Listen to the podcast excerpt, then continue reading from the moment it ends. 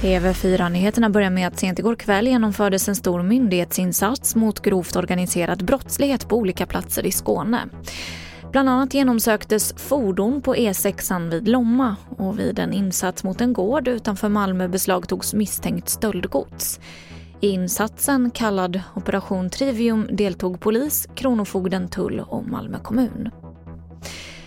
Idag väntas Magdalena Andersson väljas till Socialdemokraternas nya partiledare. Och redan nästa vecka kan hon bli Sveriges första kvinnliga statsminister. Men på S-kongressen i Göteborg går åsikterna isär om vad som kommer att bli den tuffaste utmaningen för henne.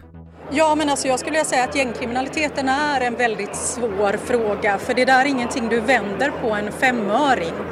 Eh, och eh, i den tid som vi lever i där folk förväntar sig liksom snabba quick fix inom politiken eh, så är det svårt. Den största utmaningen för Magdalena Andersson nu det är att ta itu med den stora ojämlikheten och de stora klyftorna som har vuxit fram i Sverige.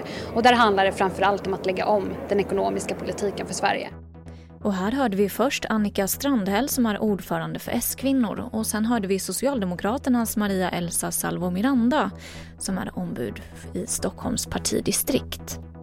Fler nyheter hittar du i vår app TV4 Nyheterna. I studion Emily Olsson.